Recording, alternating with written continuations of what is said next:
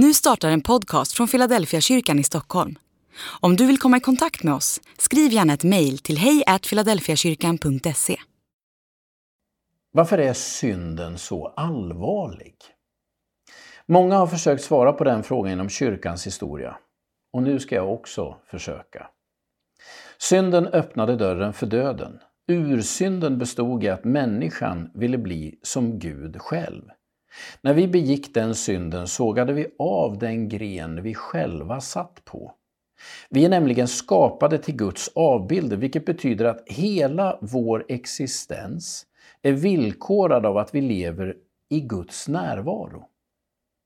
Relationen bygger på att Gud är Gud och att människan är människan. Vi är skapade att leva i en pågående relation till Gud, inte att lösa vårt liv på egen hand.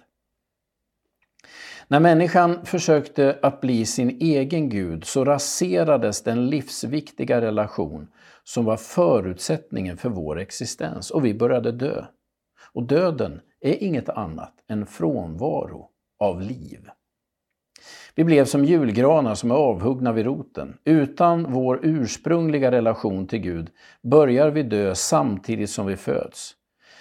Det är synden som är den verkliga sjukan och döden är det mest förskräckliga symptomet. Boten mot denna dödssjuka är inte att göra oss syndfria och på så sätt återställa oss i ursprungligt skick. Det finns nog en del människor som tror det, men Gud har en annan plan. Bibeln säger att han föder oss på nytt. Som om vi har två liv i oss samtidigt, eller två parallella identiteter. Istället för att försöka renovera den gamla kåken bygger Gud helt enkelt en ny inuti den gamla.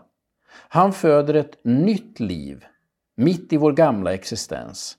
Och detta nya liv kommer successivt att ta större och större plats i vårt medvetande och vårt varande. Det är vad Gud vill göra genom frälsningen.